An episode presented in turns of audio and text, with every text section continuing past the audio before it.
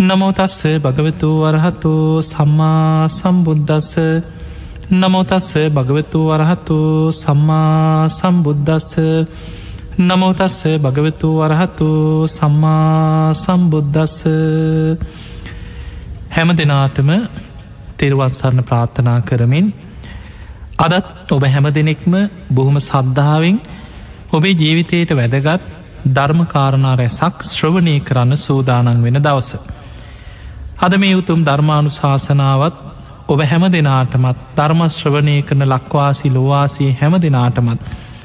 ධර්මාවබෝධය පිණිසම නිවන්දොරටුවක් බවට පත්වේවා කියලපි මුලින්ම ආශිර්වාද කරන. පිංහතුනී අදාපී සත්‍යවාදී භාවී පිළිබඳ මේ ධර්මානු ශාසනාවේදී සාකච්ඡා කරන්න බලාපොරොත්තු වෙන. අපිට පේනවාද සමාජයේ තුළ ඉහළ ඉඳම් පහළ දක්වාම බොරුව මුලාව රැවටීම ඒ වගේම විශ්වාස කටයුතු ස්වභාවයක් නැතිකම සමාජයේ තුළ අපිට දකින්න ලැබෙනවා. දවසක් බුදුරජාණන් වහන්සේ පුංචි රාහුල හාමුදුරුවන්ට බොහොම ලස්සන උපමාවක් මුල් කරගෙන මේ බොරු කියන කෙනාට නොකළ හැකි පාපයක් නෑ කියල බුදුරජාණන් වහන්සේ වදාල්.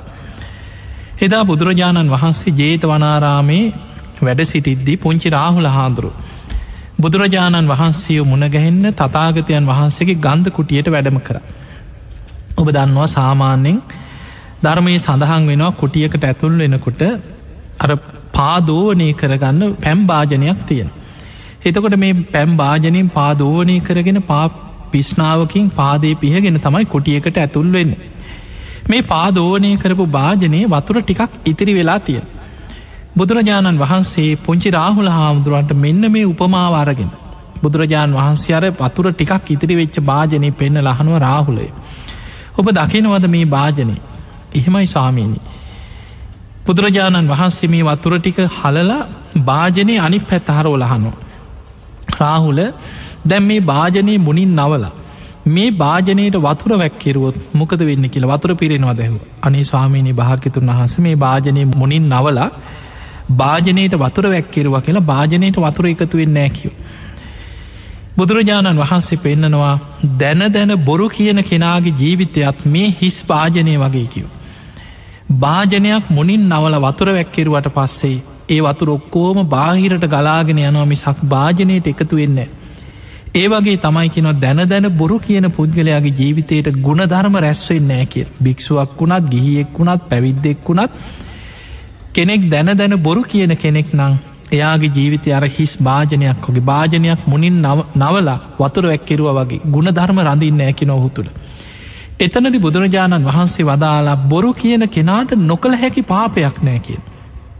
ඒකට හේතුව කරන ඕනෑම පවක් බොරුවෙන් වහන්න උත්සාහ කරන දැම් බලන්න ඔබ මිනිමරු අපරාධකාරයෝ උසාවියත් දිවර නොබොරුවට එතකොට ඕනෑම පවක් කරලා සාමීනී මන් දන්නේවත් නෑ මං නිවැරදිකාරයා මං මේ මොකවත් දන්නේ නෑ මන්න මේ මෙන්න මෙයා කියලා වෙන කාවහරි අල්ලලා තියලා සමහරලාට නිවැරදිකාරයාව තියලා තමන් බේරෙන්න බොරුවෙන් අර ප්‍රාණගාතය වහගන්න පළවෙනි ශික්ෂාපදය දෙන කෙනා ඒක වහගන්න උත්සාහ කරන්න බොරුවේ.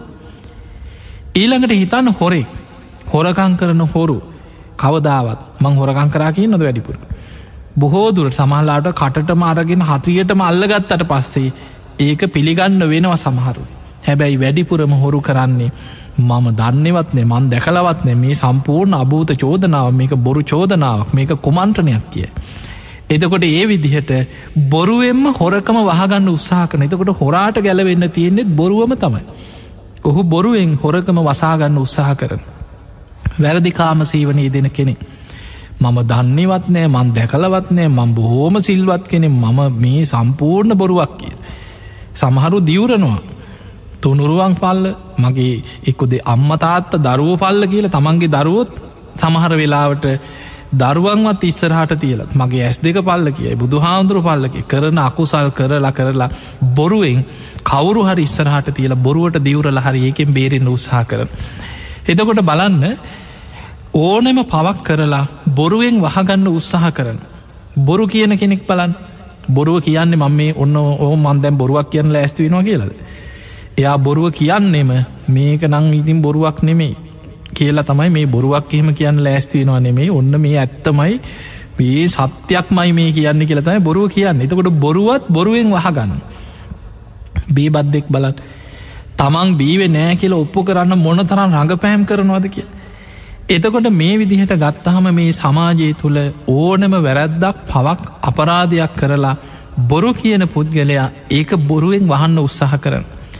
එනිසා බුදුරජාණන් වහන්සේ පෙන්න්නනවා බොරුකාරයට බොරු කියන පුද්ගලයට සත්‍යවාදී නොවන පුද්ගලයකුට නොකළ හැකි පාපයක් නෑකින සමාජය තුළ.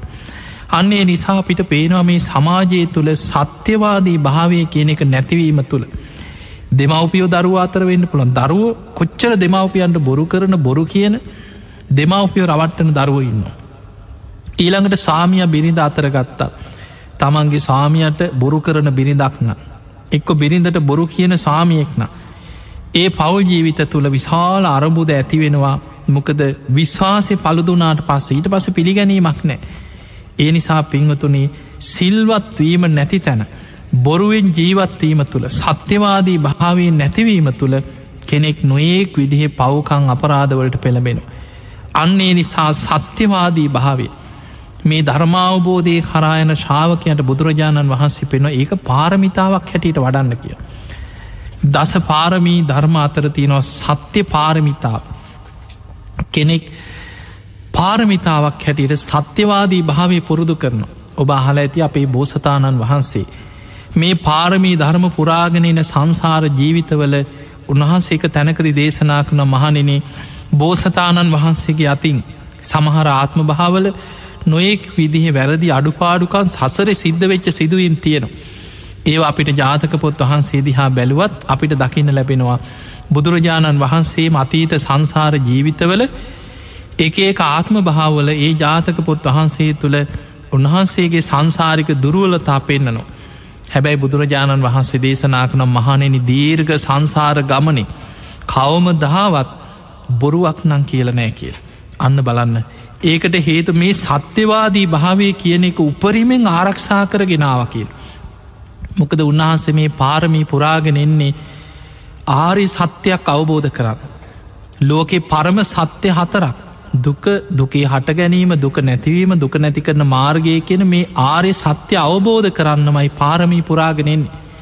ඒ ආරය සත්‍ය අවබෝධ කරන්න පාරමී පුරාගෙනන ගමනේ මේ දීරක සංසාර ගමනේ බොරුවක් නං කිසිම දවසක කියලනෑකින්.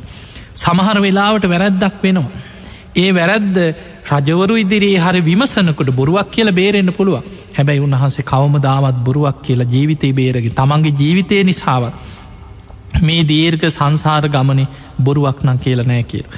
එතකොට අපිට පේනවා අපේ ශාස්තෘන් වහන්සේ පාරමී පුරාගෙනන සංසාර ගමනේ කවම දාවත් බොරුවක් නොකියපු කෙනෙ.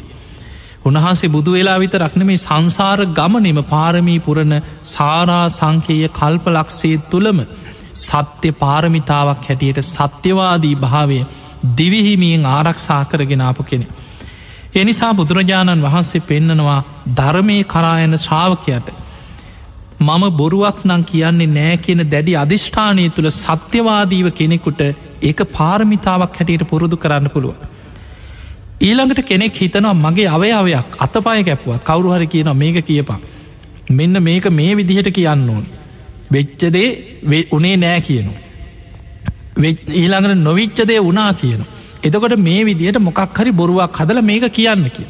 එතකොට යා කියන මගේ අතපය කැපුවත් මගේ ශරීර අවයවයකට හානියක් කරත් මම නං ඕක කියන්න. ඒ විදිහට ඔබට සත්‍යවාදී භාව ආරක්ෂා කරන්න පුළුවන්නම් ඒකට අපි කියන උපපාරමිතාව. සත්‍ය උපපාරමිතාව එයා ශරීර අවයවයකට හානියක් මගේ අතපය කැපුවත් මම නම් බොරුවක් කියන්නෑ කියලා ඔහු ඒ ගුණ ධර්මය ආරක්ෂා කරන. ඊළඟට බෝසතාණන් වහන්සේලා පාරමී පුරණකොට පරමත්ත පාරමිතාව ජීවිත පරිත්‍යයාගෙන් පාරමී පුරණ. කවුරු හරි කියනම් මේක කිව්වේ නැත්නම් මරණ. එතකොට ඒ වගේ තමන් මරණවා කියලා කියද්දිවත් ඔහු හිතනවා කමක් නෑ මැරෙන එක ශේෂ්ටයි බොරුවක් කියනවට වැඩි. ජීවිතය නිසාවත් මමනම් බොරුවක් කියන්නේ අන්න ඒ විදිහට කෙනෙකුට පුළුවන්නම් ජීවිතය දිවි දෙවනිකොට සත්‍ය පාරමිතාවක් හැටියට ආරක්ෂා කරන්න. ඒක දමයි පරමත්ත පාරමිතාව. එතකොට සත්‍යවාදී භාවේ පාරමී උපපාරමී පරමත්ත පාරමී හැටියට අපේ බෝසතාණන් වහන්සේලා දීර්ග සංසාර ගමනේ ආරක්ෂා කරමින් ආපු ආකාරි බුදුරජාණන් වහන්සේ පෙන්න්නනවා. පංහතුනී මේ සත්‍යවාදී භාවය ආරක්ෂා කිරීම තුළම උන්වහන්සේලා සසරේ බෝසත් ආත්ම භාවල අපිට පේනවා සත්‍යයක් ක්‍රියා කර සත්‍යවාදී භාවය තුළමයි සත්‍යයක් ක්‍රියාවක් කරන්න පුළුවන්කමතිය. ඒ නිසා ඔබට අපි දකිනවා සමාජයේ තුළ මේ ධර්මය තුළ හැසිෙන ශ්‍රාවකය අදැන් අපි අංගුලි මාල් හාමුදුරන්ගේ සත්‍යක්‍රියා ගැන කතා කරන. අපේ බෝසතාණන් වහන්සේ වට්ටක පිරිත ඔබහල ඇති පුංචි වටකුරුල්ලෙක් හැටියට හිටපු ආත්මයක කරපු සත්‍යක්‍රියාව. ඒ වගේම මත්ස්‍ය රාජ පිරිත අපේ බෝසතාණන් වහන්සේ ආත්මයක මත්ස්‍ය රාජයෙක් හැටියට කරපු සත්‍යක්‍රියා. එදකොට තමන් තුළ තියෙන තමන් පුරපු යම් ගුණධර්මයක්. ඒක සත්‍යයක් හැටියට මේ තුළ පිහිටලා ඒ තුළ තමන් සත්‍යක්‍රියාව මේක සත්‍යයක්මයි මේ සත්‍යානු භාවයෙන් මා ආරක්ෂාවේවා කියලා කෙනෙකුට සත්‍යක්‍රියාවක් කරන්න පුළුව. ඔබ ඔබදිහා අවංකව හිතන් ඔබ කොච්චර බනහල ඇත්ද. ඔබ කොච්චර පන්සිල් අරං නැ ඇද්ද ආරක්ෂා කිරීම ගැන ප්‍රශ්නයක් තියෙන්න්න පුළුව ඔබ සිල් සමාදන් වනාට මට ඇත්තටම පන්සිල් පද පහ රැකගන්න පුළුවන් වුණාද කියෙනෙක ප්‍රශ්නයක් වෙන්න පුළුව හැබැයි ඔබම හිතන්න ඔබ කොච්චර පන්සිල් සමාදන් වෙලා ඇත්ද ඔබ කොච්චර සිල්වතෙක් හැටියට වීරිය වඩන්න උත්සාහ කරලා ඇද. හැබැයි ඒ තුළ ඔබට යම් දවසක ඔබේ ජීවිතය යම් ප්‍රශ්නයක් ගැටලුවක් ඇතිවෙච්ච වෙලාවක. ඔබට ඔබදිහා බලල මං අවංකෝ මේ විදිහ ගුණධර්මයක් රැක්ක මේකනන් සත්‍යයක් මයි කියලා සත්‍යයක් ක්‍රියාවක් කරන්න තරම් ඔබට ඔබ තුළ ආත්ම ශක්තියක් තියෙනවද කියලා ඔබ ඔබදිහා ආපස්සට බලත්. පිංහතුනේ ඒ විදිහට සත්‍යක්‍රියා මේ ධර්මය තුළ සඳහන් වෙන්නේ බොහෝ ශ්‍රාවකයන් සත්‍යක්‍රියා කරලා මහා පුදුම විදිහට මේ ජීවිතය තුළ මහා පුදුම පරිවර්තන සිදු කරගෙන තියෙනවා. ඔබ අහල ඇති අපේ රටේ රජකං කරා සිරි සඟ බෝ කියල රජ කෙනෙක් ගැන ඉතිහාසි. මේ සිරි සඟ බෝ රජ්ජුරුවන්ගේ කාලේ ලංකාව විශාල නියගයක් දුර්භීක්ෂයක් ඇතිවෙලා තිනවා සිරි සඟ බෝ රජ්ජුරුවන්ගේ කාලේ. මේ රජතුමා කරේ තමන් රකින ගුණ ධර්ම ගැන සිහි කළ සත්‍යයක් ක්‍රියාවක් කරන්න හිතාගෙන රුවන්වැලි මහාසෑ මළුවට යනු. සිරි සඟපෝ රජ්ජුරු රුවන්වැලි මහාසෑ මළුවට ගෙහෙල්ල. මේ මහාසෑයි බොහෝම සද්ධාවෙන් ගෞරුවෙන් මහාසෑය වන්දනා කර. මේ චෛත්‍ය වටා ප්‍රදක්ෂිනා කරලා චෛත්‍ය වන්දනා කරලා චෛත්‍ය මළුවේ වාඩි වෙලා සත්‍යක්‍රියාවක් කර. ඒ සත්‍යක්‍රියාව තමයි තමන් තුළ තියෙන ගුණධර්ම සිහි කළ සත්‍යක්‍රියාවක් කර. සිරි සඟබෝ රජ්ජුරෝ හිතනවා මම ධාර්මිෂ්ටව රජකං කන රජ කෙනෙ. මන් නිති පන්සිල් ආරක්ෂා කරනු දසරාජ ධර්මයෙන් මන් රට පාලනය කර මේක සත්‍යයක්මයි. මේ නියගෙන් දුරභික්ෂයෙන් මගේ රටවැසිව් පීඩාවට පත්වෙලා.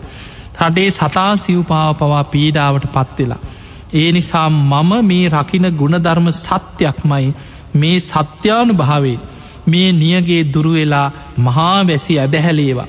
වහිනකම්මන් නැකෙටින්නේ නෑ කියලා දැඩි අධිෂ්ඨානින් රුවන්වැලි මහාසෑ මළුවේ වාඩි වුනා කෙන එදා සිරි සඟබෝ රජ්ජුරු. පංහතුනේ බලන්න අපේ රටේ රජගං කරලා තියෙන එවැනි සත්‍යයක් ක්‍රියා කරන්න පුළුවන් තරං මහා ගුණ ඇති බෝධිසත්ව රජවරු අපේ ඉතිහාස ඉඳල තියෙන. එදා සිරි සඟබෝ රජ්ජුරුවන්ට පුළුවන් වුණා තමන් ධර්මිෂ්ටයි කියලා සත්‍යයක් ක්‍රියාවක් කරන්න රුවන්වැලි සෑ ඉදිරි. මං මේ විදිහ ගුණධර්ම රකින රජ කෙනෙ. මේක සත්‍යයක් මයි කියලා තමන්ගේ ගුණධර්ම තුළ පිහිටල සත්‍යයක් ක්‍රියා කරලා මළුවේ වාඩි වෙලා ටික වෙලාවක් යනකොට නියගේ දුරුවෙලා මහා ධාරානිපාත වර්සා ඇදහැලෙනු. රජතුමා මළුවේ පාවෙන තරං විශාල වර්සාවක් ඇදහැලුන කියනවා එදා ඒ සත්‍යයක් ක්‍රියාවෙන් මොහොතකට පසුව. එතකොට අපිට පේනවා මේ තුළ නියගේ දුරුණ ඉතිහාසි සඳහන් වෙන තොරතුරුවලින් අපිට පේනවා අපේ රටේ සත්‍යයක් ක්‍රියා කරලා වැසි ඇදහැලෙන්න සලස්සපු මහා පුුණ්්‍යවන්ත රජවරු හිටපු රටක්. ඊළඟට ඔබ වට්ටක පිරිත ගැන අහල ඇති. ඒ තුළ තියෙන්නේෙත් අපේ බෝසතාණන් වහන්සේ එක ආත්මයක පුංචි වටකුරුල්ලෙක් හැටියට කරපු සත්‍යයක් ක්‍රියාව. ඒ නිසා ඔබ තුළ යම් ගුණ ධර්මයක් ඔබ ආරක්ෂා කරනවන. ඔබට ඒ ගුණධර්මය තුළ පිහිටල සත්‍යයක් ක්‍රියාවක් කරන්න පුළුව. අප හිතම ඔබට පන්සිල් පද පහම රැකගන්න අපහසුයි. සමහර වෙලාවට සමහරු කියනනේ පොඩි බොරුවක් නම් කියවෙන්න පුළුව සමහරු විහිලුවට බොරු කීව කිය සමහර කියන ම පුංචි සතෙක් නංති මගේ අතින් මැරිලා ඇති. හැබැයි ඔබ උත්සාහ කරන්න අකුසලේ පුංචී කියලනෑ ඒක විපාක ඔබ කරායනවා ඒ නිසා පිංගතුනි ඒ පොඩි පොඩි කියල සමහර වෙලාවට ඒක කමක් නෑ කියලා හිතන් නැතුව බුදුරජාණන් වහන්සේ පෙන්නේ පුංචි වරදේ පවා බිය දකින්න කියන. සබ්බ පාපස් සකරන සියලු පාපි අකුසල්වලින් වලකින් ඒ විදිහට ඔබ වීඩිය වඩන් හැබැයි ඔබේ ජීවිතය තුළ අපිහිතම ඔබ යම් ජීවිත කාලේ ආරක්ෂා කරපු යම් ගුණ ධර්මයක් තියෙන කෙනෙකුට පුළුවන් මං උපන්දායිදං මං මේ වගේ වැරැද්දක් නං කරලා නෑ කියලා එක සික්ෂාපදයක් තුළ හරි පිහිටල සත්‍යයක් ක්‍රියාවක් කර සමාරගෙන මම ජීවිතය කවදාවත් මත් පැන් මඩ්‍රාව භාවිතා කරලනේ ඒකනන් සත්‍යය අන්න ඒ තුළ ඔහුට සත්‍යයක් ක්‍රියාවක් කරන්න පුළු කෙනෙක් කියනවා මං කවදාවත් මම පොරුවක් නං කියලන කෙනෙක් කියන්න පුළන් මං කවදාවත් වැරදි කාම සේවනී දිලන් මගේ ජීවිත කාලෙ මං බොහොම සිල්වත් කෙනෙ ඒකනම් සත්‍යය එතකොට එයාට ඒ සත්‍යානු භාවේ සත්‍යයක් ක්‍රියාවක් හැටියට එක බොහොම බලවත් සත්‍යයක් ක්‍රියාව. එතකොට ඒ වගේ බුදුරජාණන් වහන්සේ මේ බුද්ධ ශාසනය තුළ සත්‍යයක් ක්‍රියාව කියන එක. අපිට පේනවා ඉතිහාසි දේශනාවල රහතන් වහන්සේලාගේ සමහර චරිත කතා මේවා කියෝගෙන යනකොට මහා පුදුම දේවල් හැටියට මේ සත්‍යයක් ක්‍රියාව කෙනෙක මහා බලයක් පිහිටන දෙයක්.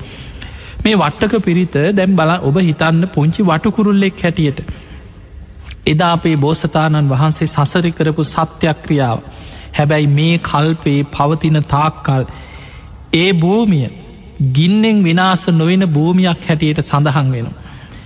එතකොට මේක සිදුවනේ එදා බුදුරජාණන් වහන්සේ අපේ බුදුරජාණන් වහන්සේ බුද්ධත්වයට පත්වෙලා උන්වහන්සේ සඟ පිරිස පිරිවරාගෙන ගම්නියම් ගම් පුරා චාරිකාය වඩිමින් ධර්ම ප්‍රචාරය දෙනවා. පිංහතුනි බුදුරජාණන් වහන්සේගේ දින චරියාව තුළ දැන් ඔබ මේ ගෙවිලා යන්නේ චීවර මාසේ. වස් සමාදන් වෙච්ච ස්වාමීන් වහන්සේලා මහා පවාරණයෙන් වස් පවාරණය කරාට පසුව මේ මාසයේ තුළම විහාරස්ථානවල වස් සමාදන් වෙච්ච ස්වාමීන් වහන්සේලා වැඩඉන්න තැන්වල පන්සල් වෙන්න පුළුවන් ආරණ්‍යයක් වෙන්න පුළුවන් එක් ඔබේ නිවසකට වෙන්න පුළුවන් ස්වාමීන් වහන්සේ නමක් දෙනමක් වසාරාධනා කරලා සමහර සැදැහැවතුන් වස් සමාදන් කරවල උන්වහන්සේලා වෙනුවෙන් පින්කං කරනවා. එතකොට මෙවැනි චීවර මාසමී පින්කං කරන මාසේ.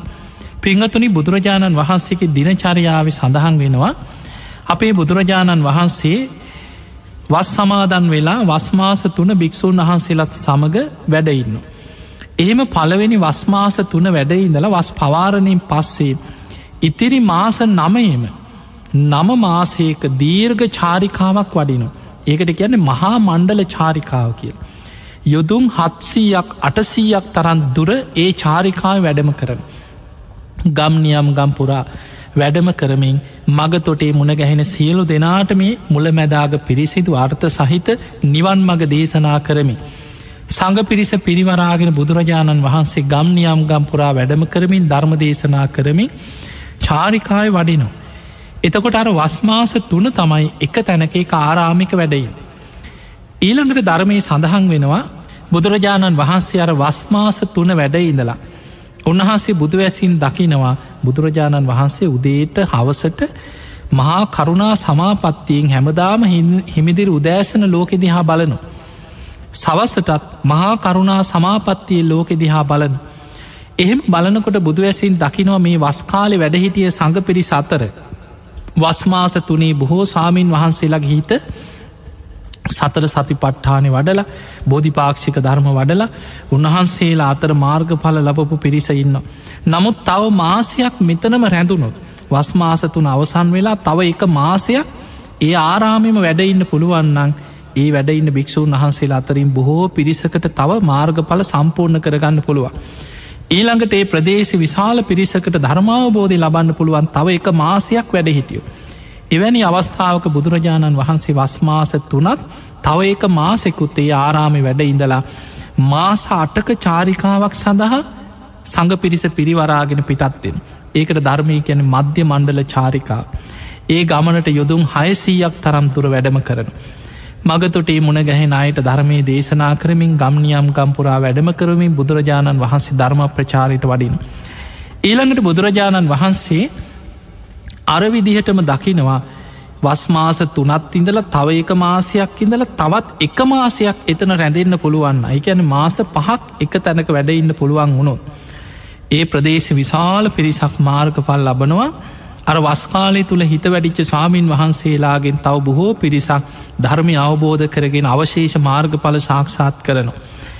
එවැනි අවස්ථාවක බුදුරජාණන් වහන්සේ තවත් අමතර මාසයක් වස්මාස තුනට අමතරව තව මාස දෙකක් වැඩයින්.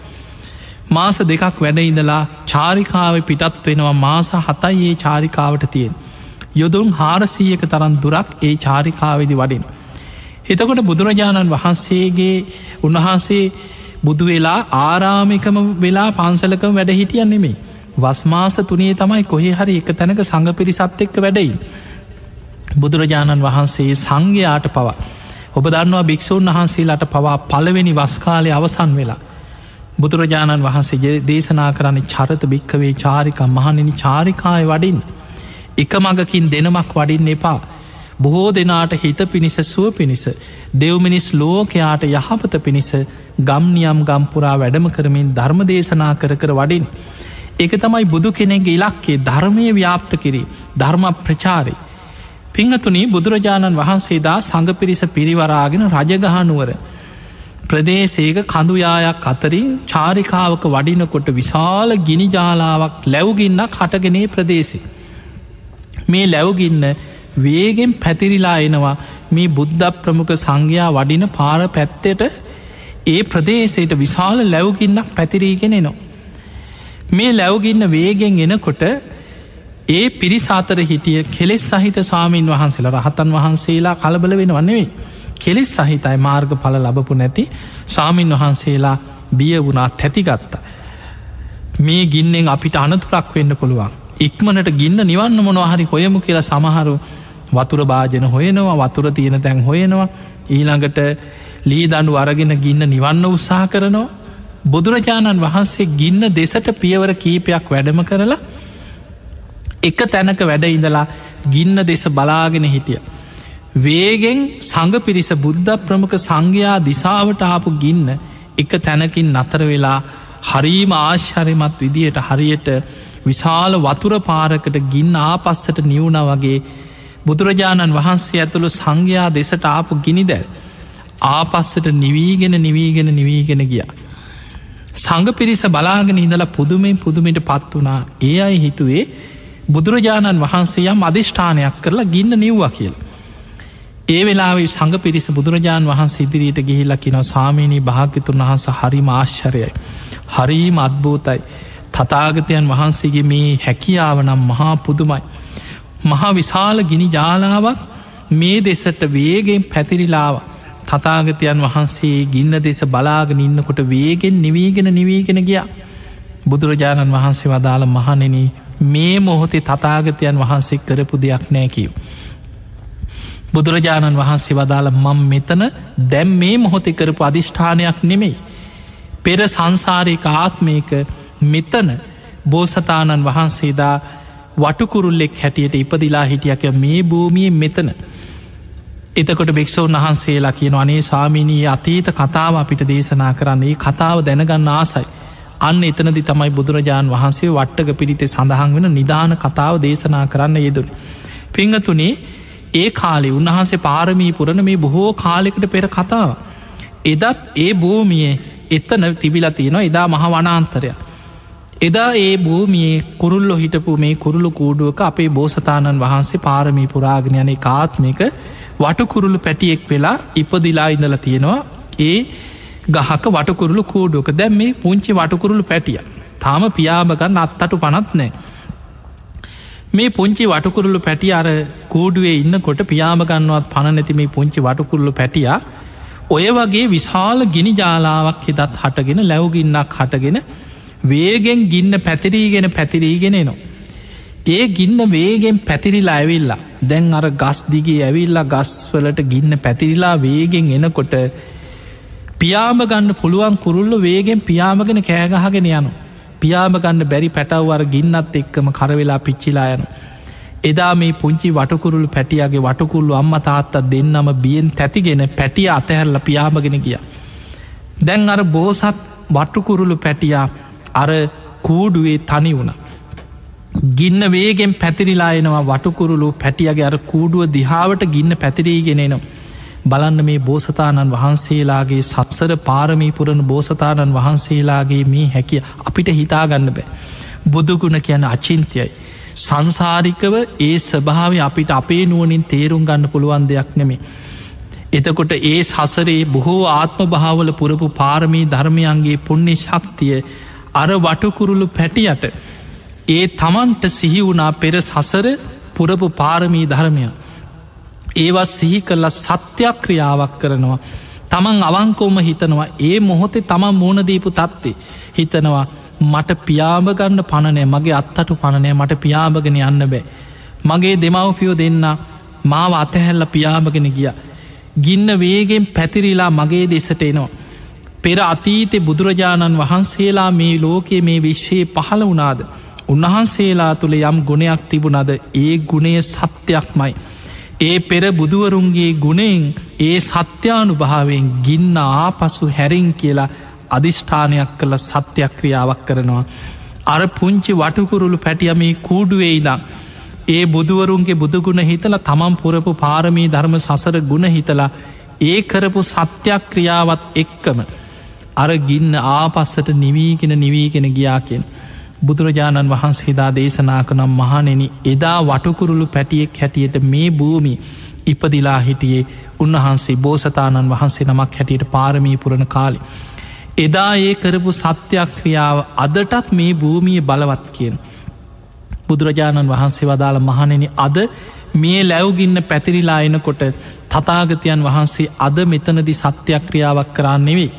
ඒ වට්ටක වටකුරුල්ලෙක් හැටියට එදා ඒ කරපු සත්‍යක්‍රියාව සිහිකරා විතරයි කිය. එතකොට අපිට පේනවා ඒ භූමිය එදා ඒ පිහිටි ඒ ශක්තිය ඒ භූමිය අදටත් ඒ භූමිය පිහිටල තියෙනවා කියලා බුදුරජාණන් වහන්සේ දේශනා කර ඔබ බලන්න පිරිවානා පොත් වහන්සේ තුළ වට්ටක පිරිතේ සඳහන් වෙනවා ඒ සත්‍යක්‍රියාව. එදා ඒ පුංචි වටකුරුල් පැටියෙක් හැටියට අපේ බෝසතාණන් වහන්සේ සසරි කරපු සත්‍යක්‍රියා ගින්න ආපස්සට හැරෙව්වා ඒ සත්‍යක්‍රියාව තුළ. ඒ නිසා සත්‍යවාදී භාවේ සත්‍යයක් ක්‍රියාවක් කරන්න තරම් බොහොම බලවත් දෙයක් තමයි සත්‍යවාදී භාවය. ඒ නිසා පිංහතුනේ අපේ ජීවිත තුළ අපි ටික ටික ටික ටික හරි මේ ගුණධර්ම ආරක්ෂා කරගන්න දක්ෂවේ. ඒ ගුණධර්ම තුළ පිහිටල ඔබට පුළුවන් සත්‍යයක් ක්‍රියාවක් කරන්න. ඔබ හිතන් ඔබේ ජීවිතය තුළ සමහර වෙලාවට මේ බණහන වෙලාව එනකොට ඔබට හිතෙන්න්න පුළුවන් ඒ වුනාට ඉතින් අපේ ජීවිතය කොච්චර අඩුපාඩු තියෙනවද. දැන් ඉතින් අපි කොච්චර වැරදි කරපු අයද. දැන් ඉතින් ඔහොම කිව්වට අපි කොහොමදවා වෙනස් කරගන්න. අපිට ඉතින් ආපහු හැරෙන්න්න දැන් කාලයක් නෑ නේද. දැන් ඉතින් කරන්න දෙයක් නෑ මේ ඊටපු ඉදිහටම ඉන්නවා කියලා එහෙම හිතන කොටසකුත් තින්න. පිංහතුනී මරණ මංචකයේ දක්වාම ඔබට ජීවිතය වෙනස් කරගන්න අවස්ථාව තියෙනවා. අවසාන මොහොතෙත් ජීවිතය වෙනස් කර ගත් අය ගැන දේශනාවල සඳහන් වෙන. ඔබ බලන්න මජ්්‍යමනිකායි දනංජානි සූත්‍රය. දනංජානි කියන බමුණට මරණ මංචක ජීවත් වෙලා ඉන්නකං අකුසල් කර කර හිටිය. හැබැයි මරණාසන්න මොහොතේ හරි අන්තිම මොහොතේ හරි. ධර්මී පිහිටලා ධර්මය සිහි කරලා අපා යන්න හිටපු කෙනාට පුළුවන් වුණා සුගතිය උපදින්න දනංජානි මරණයට පත්වෙලා බ්‍රහ්ම දෙවි කෙනෙක් වෙලා බඹලෝ පහළ වුණ. එතකොට බඹලෝ උපදින්න නම් මරණාසන්න මොහොත හිතේ ඒකාග්‍රතාවයක් සමාධයක් වැඩුණ. අර අකුසල්ලි යටපත් වෙලා කුසල් බලවත් වන අන්තිම මොහොතෙ හරි. ඒ නිසා පිංහතුනේ මරණ මංචකයේ දක්වාම සිහිනුවන තියෙනවනං ජීවිතය වෙනස් කරගන්න පුළුවන්. දැන් ඔබ හිතමු ඔබ මේ වෙලාවේ දැන් අද මේ බණටි කහලා හිතනවා මම අද ඉදං හරි සත්‍යවාදීව ජීවත්වෙන.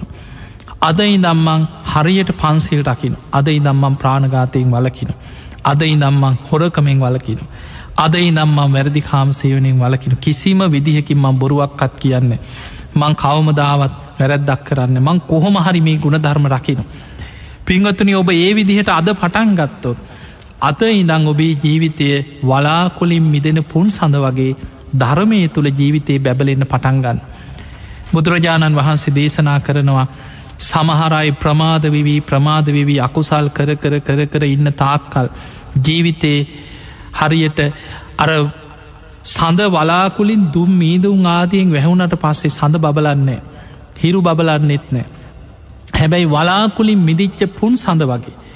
යම් දවසක සීලේක පිහිටල හිතුවන අද ඉදම්මන් ධර්මය කරායන අද ඉදම්මං ගුණධර්ම පුරණවා කියලා ජීවිතය වෙනස් කරගන්න ඔබ දක්ෂ වුණෝ ඒ මොහොතේ ඉදං ඔබේ ජීවිතය වලාකුලින් මිදිච්ච පුන් සඳක් වගේ බැබලෙන්ට පටන්ගන්න ඔබේ ජීවිතයේ ගුණධර්ම පැත්තිෙන් බැබලීගෙන බැබලීගෙන යනු.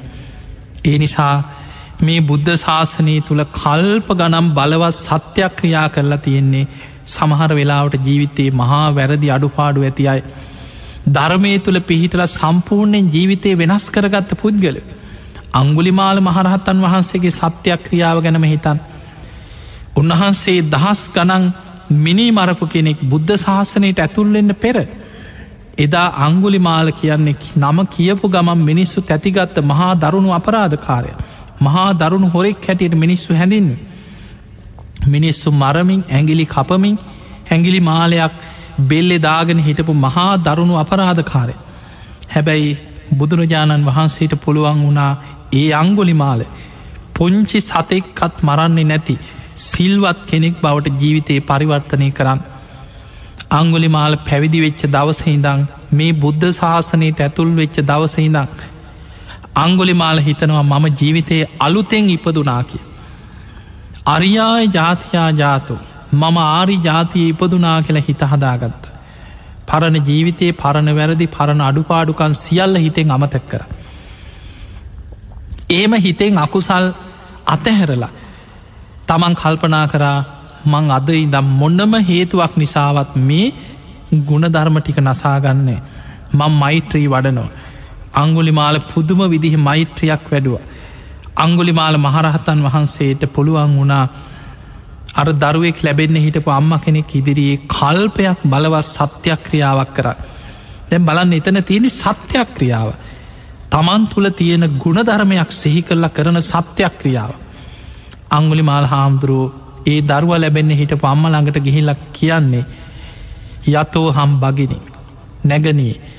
මම ආරි ජාතිය ඉපදුනාට පස්සේ අරියාය ජාතියා ජාතු. මං බුද්ධ ශාසනයට ඇතුල්ලුනාට පස්සේ සංචිච්ච පානන් ජීවිතාවෝරෝ පේතා දැන දැන කිසිම ප්‍රාණීගේ ජීවිතයක් නම් තොර කරලනෑ තියෙන සච්චේන මේක සත්‍යයක්මයි මේ සත්‍යානු භාවයෙන් ඔබ සුවපත්තේව අන්න බලන්න එතන තමන්ගේ සීලේ තුළ කරන සත්‍යයක් ක්‍රියාව. අංගොලි මාල හාමුදුරු කියනවා මම බුද්ධ ශාසනයට ඇතුන් වනහට පස්සේ. දැන දැන පුංචි සතෙක්ගෙවත් ජීවිතයක් තොර කරලන්නේ තේන සච්චයන මේක සත්‍යයක්මයි. සොත්තිතේ හෝති සොත්තිගක් බස් හාති මේ සත්‍යානු භාවෙන් ඔබ සුවපත්තේවා. සුවසේ දරුව බිහිවේවා කියල සත්‍යයක් ක්‍රියා කර. එදකොට පිංහතුනි අපිට පේනවා කෙනෙකුට තමන්ගේ තියෙන ගුණධර්මයක් තුළ පිහිටල සත්‍යයක් ක්‍රියාවක් කරන්න පුළුව. අංගුලි මාල හාදුරන්ට පුළුවන් වුණා මං අසවල් දවසහිදං ඒගැන මවකුසින් ඉපදිච්ච දවසහි දන්නෙමේ මවකුසින් ඉපදුනාට පස්සේ නොයෙක් පව්කං කරා මහා දරුණු අපරාධකාරය. හැබැයි බුද්ධ ශාසනයට ඇතුල් වෙච්ච දවසහිදා මම පුංචි සතෙක්කත් මැරුවනෑ මේක සත්‍යය මේ සත්‍යානු භාවෙන් ඔබ සුවපත්තේවා සුවසේ දරුව බිහිවේවා කියල කරපු සත්‍යයක් ක්‍රියාව අදටත් බලව. මේ කල්පේ පවතිනතාක් බලවත් සත්‍යයක් ක්‍රියාවක් හැටියට බොහොම බලවත් සත්‍යයක් ක්‍රියාවක් කරන්න පුළුවන්කම ලැබුණ. ඒ නිසා පිංහතුනේ මේ බුද්ධ ශාසනය තුළ මහා දරුණු අපරාධකාරයු එක ගාථා වහලා ජීවිතය වෙනස් කරගත්තයින්න. එක බණ පදේ මුළු ජීවිතයම වෙනස් කරගත්ත. නිකෙලෙස් මහරහතන් වහන්සේල බවට පත්වෙච්ච චරිත අපිට මේ දේශනාවල ඉතිහාසේ මුණ ගැහෙනවා. ඒ නිසා ඔබ ජීවිතය වෙනස් කරගන්න දක්ෂවෙන්. ජීවිතයේ ධර්මය තුළට හරෝගන්න සමහර වෙලාවට පෙර බොරු කියලා දැ සමහරු ඒක සාධාරණය කරණය කරන්න. ඔබ සාධාරණය කරණය කර කර ගියොත් ඔබට කවදාවත් ඒකෙන් වැල කියලා මිදිලා යහපත් මාර්ගයකට ඒගන්න බෑ. ඔබ පුරුදු වෙන්න වරදේ බිය දකින්න. පුංචි වරදේ පවා බියක් දකිින්. ඔබ ඒ වෙලාවට හිතන්න මේ අකුසලයක්ම තමයි මං විහිලුවට කිවත් මේ බොරුවක් දැ සමාරුග නෑ මංගේ බොරු කියන ඒක විහිලුවට මංකිවේ ඒක කවරුත් දන්න ඒ කවරු ගණන් ගන්න ඕන්න විහිලුවට බොරු කීවට ප්‍රශ්නයක් නෑ කිය එතකොට ඒ වගේ බොරුව බොරුවම තමයි. ඒ නිසා ඔබ මතකතියාගන් ඔබේ ජීවිතය ඔබ අඩුපාඩු ඔබේ වැරදි අඩුපාඩු ඔබ සාධහරණී කරණය කර කර ඉන්න තාක්කල් ඔබට වෙනස් වෙන්න තියෙන අවස්ථාව නැතිවෙන. ඔබ උත්සාහ කරන්න ඒ අඩුව අඩුවක් හැටියට ඔබ දකින්න වැරැද්ද වැරැද්දක් හැටියට දකිින්. එහෙම දැකලා දැඩි අධිෂ්ඨානයක් ඇති කරගන්න මං කොහොමහරි මගේ වැරදි හදාගන්න. මං වෙනස් වෙනවා. මට පුළුවන් වෙනස්වෙන්. මං ප්‍රාණගාතයෙන් වලකිනෝ. මං හොරකමින් වලකිනෝ. මං වැරදි කාම සීවනින් වලකිනො මං බොරුවෙන් වලකිනො මං මත් පැන් මඩ්‍රවි භාවිතයෙන් වලකිනො. මම කිසිම හේතුවක් නිසා කවුරු නිසාවත් ජීවිතය නිසාවත් මං බොරුවක් කියන්නේ මං සත්‍යවාදී කෙනෙක් බවට පත්වෙන්. අන්න ඒ විදිහට ඔබට ජීවිතයේ සත්‍යවාදී පුද්ගලයෙක් වෙන්න පුළුවන්නම් පිංහතුනි ජීවිතයේ ඔබට ධර්මය කරා වෙනස් වෙන්න පුළුවන්. අපේ දේශනා ඉතිහාසේ සඳහන් වෙනවා අධිමුත්ත කියන තෙරුන් වහන්සේ. මහා වනාන්තරයකදි කැලේ හිටපු හොරු පිරිසක් උන්වහන්සේ වල්ලගත්. හැබැයි තමන්ගේ අම්ම තාත්ත නිසාවත් බොරුවක් කියපු නැති ස්වාමීන් වහන්සේ නම. තමන්ගේ දෙමව්පියන් දැම් මේක කියලා අම්මතාත්ත බේරන්න පුළුවන්. හැබැයි තමන් ඒක නොකිය හිටියුත් දෙමව්පියන්ට මැරුම්කන්න සිද්ධ වෙ නොමේ හොරුන්ගේ. හැබැයි උන්වහන්සේ කල්පනා කරම් මම දෙමව්පියෝ නිසාවත් මං කවදාවත් බොරුවක් කියන්නේ. මම සසරි රැකපු ගුණධර්ම මන් සත්‍යවාදී භාවේ මං ඒ විදිහටම රකිනවා කියලා උන්වහන්සේ තමන්ගේ ගුණධර්ම රැක්ක. මේ තුළ මේ හොරු පවා වෙනස් වුන. ඔවුන් පුදුමෙන් පුදුමට පත් වනා මේ සාමීන් වහන්සේ තමන්ගේ දෙමව්පියෝ නිසාවත්. ඒ අය වෙනුවෙන්වත් බොරුවක් නොකියපු මහා පුදුම කෙනෙක්. එතකොට ඒ වගේ ජීවිතය අර හොරු පිරිසත් වෙනස් වෙලා ඕනු ධර්මය කරයොමුණ. එනිසා ජීවිතයේ සත්‍යවාදී කෙනෙක් බවට පත්වෙන්. දැන් බොරුවෙන්ම ජීවත්වෙන කෙනාට ඇත්ත කියන්න සමාරු කියන්නේ ඇත්ත කියන්නේ රසවද්‍යයක්. සච්චං හවේ සාදු තරන් රසානං කියන. බුදුරජාණන් වහන්සේ පෙන්නනවා ආලෝක සූත්‍රයේ සත්‍ය කියන්නේ ලෝක රසවල් අත්තර රසවත්ම දෙයක්. සත්‍යය රසවත්. එතකොට හැබැයි ඒ සත්‍යය රසවත් වෙන්නේ සත්‍යවාදී කෙනාට බොරුකාරයට සත්‍ය ගැන රසවත් දෙයක් නෙවේ ජීවිතය. ඒ නිසා බොරුකාරයා එයා සත්‍යය එයා හිතන්නේ මේ ඇත්ත කියල අද ජීවත්වෙන්න බෑ. ඇත්ත කියන කෙනාට තැනක් නෑ කියනවා. ඒ නිසා බොරුවෙන්ම ජීවත්වෙන එක තමයි ශේෂ්ඨ කියලා බොරුකාරයා කොහෝමහරි තමන්ගේ වැරදි අඩුපාඩු ඒවාර එක එක ලකුණු පෙන්න්න පුළුවන් දැම් බලන්න මේ අයි. මේ මිනිස්සු බලන්න. අච්චර බොරු කාරය වර වැජබිලා ඉන්න අච්චර වැරදි වැඩ කරනයු අර හොඳට ඉන්න. කිය කිය එවැනි පව්කාරයන් පෙන්න පෙන්න සමහරු තමන්ගේ අකුසල් සාධහරණය කරණය කර කර ජීවත්වෙන්න උත්සාහ කර මතකතියාගන්න අපි සංසාර ගමනක යන පිරිසා. මේ ඉන්න කෙටි කාලය තුළ ඔබ බොරුවෙන් ජීවත් වෙලා හැබැයි ඔබ සංසාරයේ සතරාපායි වැටි වැටි යන සංසාර ගමනකට වැටිච්ච කෙනෙ. මරණින් මත්තෙ කොහේ අයිද මේ ඉන්න ටික කාලෙ මම් බොරු කියලා මුලාවෙන් වැරදි වැඩ කර කර අකුසල් කර කර ජීවත් වන මරණින් මත්තේ මට මොනවගේ ඉරණමක් කත්ව ඉද කියලා ඔබ හිතන්. අන්නේ සංසාරය ගැන කර්ම කරම්පල ගැන දීර්ඝ සසර ගමන ගැන දන්න කෙනා තමයි සත්‍ය පාරමිතාව පාරමිතාවක් හැටියට රකිින්. පෙංගතුනී සිල් රකින්නත් ලෞකික සම්මාධිට්්‍යය තිබිය යුතුමයි. ලෞකික සම්මාධිට්්‍යයේ පිහිටල තමයි කෙනෙක් තිසරණී සරණයන් තෙරුවන් සරණයන් ලෞකික සම්මාධිට්්‍යයේ තමයි උගන්නන්නේ දානය විපාක ඇත. තමන් කරන පින්කංවල විපාක ඇත. තමන් කරන යහපත් දේවල්වල විපාක ඇත. මෙලවක් ඇත පරලවක් ඇත. ඊළඟට මවුට සැලකීමේ විපාක ඇත පියාට සැලකීමේ විපාක ඇත. තමන් කරන හොඳ නරක කර්මයන්ගේ විපාක ඇත. ඊළඟට ඕපපාතික සත්‍යයන් ලෝකෙ උපදිනවා. තමන්ගේ නුවනින් ජීවිතය අවබෝධ කළ ප්‍රකාශ කන ශ්‍රමණක් බ්‍රාහ්මණවරු ඇත. මෙන්න මේ විදිහට අපි කියන මේකට දසවස්තුක සම්මාධිට්ටිය. එහෙම නැත්නම් කියන ලෞකික සම්මාධිට්ටිය. තවත් වචනයක් කියන කම්මස්ස කතා සම්මාධිට්ටිය. මෙන්න මේ සම්මාධිට්ටියේ පිහිටපු කෙනා තමයි සංසාර ගමන ගැන මේ සසරි දීර්ඝ කාලයක් ඉපදමින් මැරමින් ආපු ගමනක් කියලා පෙර සංසාර ගමන ගැන දකිනු. අන්න එයා අකුසල් කරන්න බයයි. එයා දන්නවා මරණින් මත්තේ පරලවක් තියෙනු. මම් සංසාරයේ යන කෙනෙක් ඉපදමින් මැරමින් යන දීර්ඝ සංසාර ගමනක් මට තියෙනවා. මං මේ අකුසල් කර කර මේ ජීවිතය මේ ඉන්න ටික කාලි බොරු කියමින් මිනිස්සු මුලා කරමින් බොරුවෙන් ජීවත්තු නොත් මට මරණින් මත්තේ මොනවගේ ඉරනමක් අත්වෙයිද. භයානක සංසාර ගමනි සතර අපායකට වැටුනොත් බොරුවෙන් ජීවත් වෙලා. කෞදමාව බේරගන්න?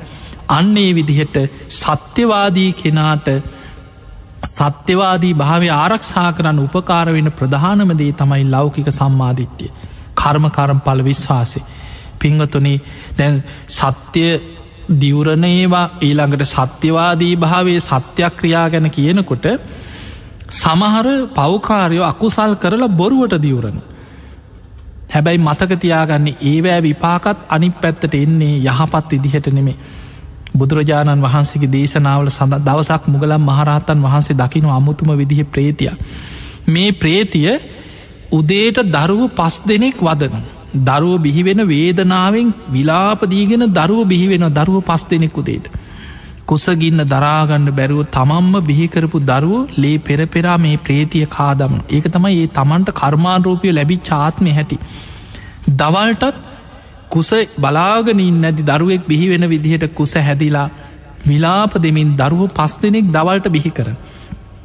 කුසගින්න දරාගන්න බැරුවේ දරුව පස් දෙනාම ලේ පෙරපෙරා දවල්ට කාදමන. රාත්‍රී කාලෙ වෙනකොටත් අර වගේම දරුවෙක් බිහිවෙන විදිහට වේදනාව ඇත්තුව දරුව පස් දෙනෙක් බිහි කරන. රාත්‍රී කාලෙත් මේ දරුව පස් දෙනාම කාදමන. එතකොට බලන්න උදේ දවල් හවසගත්තොත් දවසකට තමම්ම දරුව බිහි කරමින් දරුව පහලොස් දෙනෙක් ලේ පෙරපෙරා කාදමමින් ජීවත්වෙන ප්‍රේතිය. මේ කර්ම විපාකයක් ගෙවන හැටි. මුගලම් මහරහතන් වහන්සේ මේ ප්‍රේතියගෙන් විමසනවා. මේක පේතවත්වේ සඳහන් වෙනවා.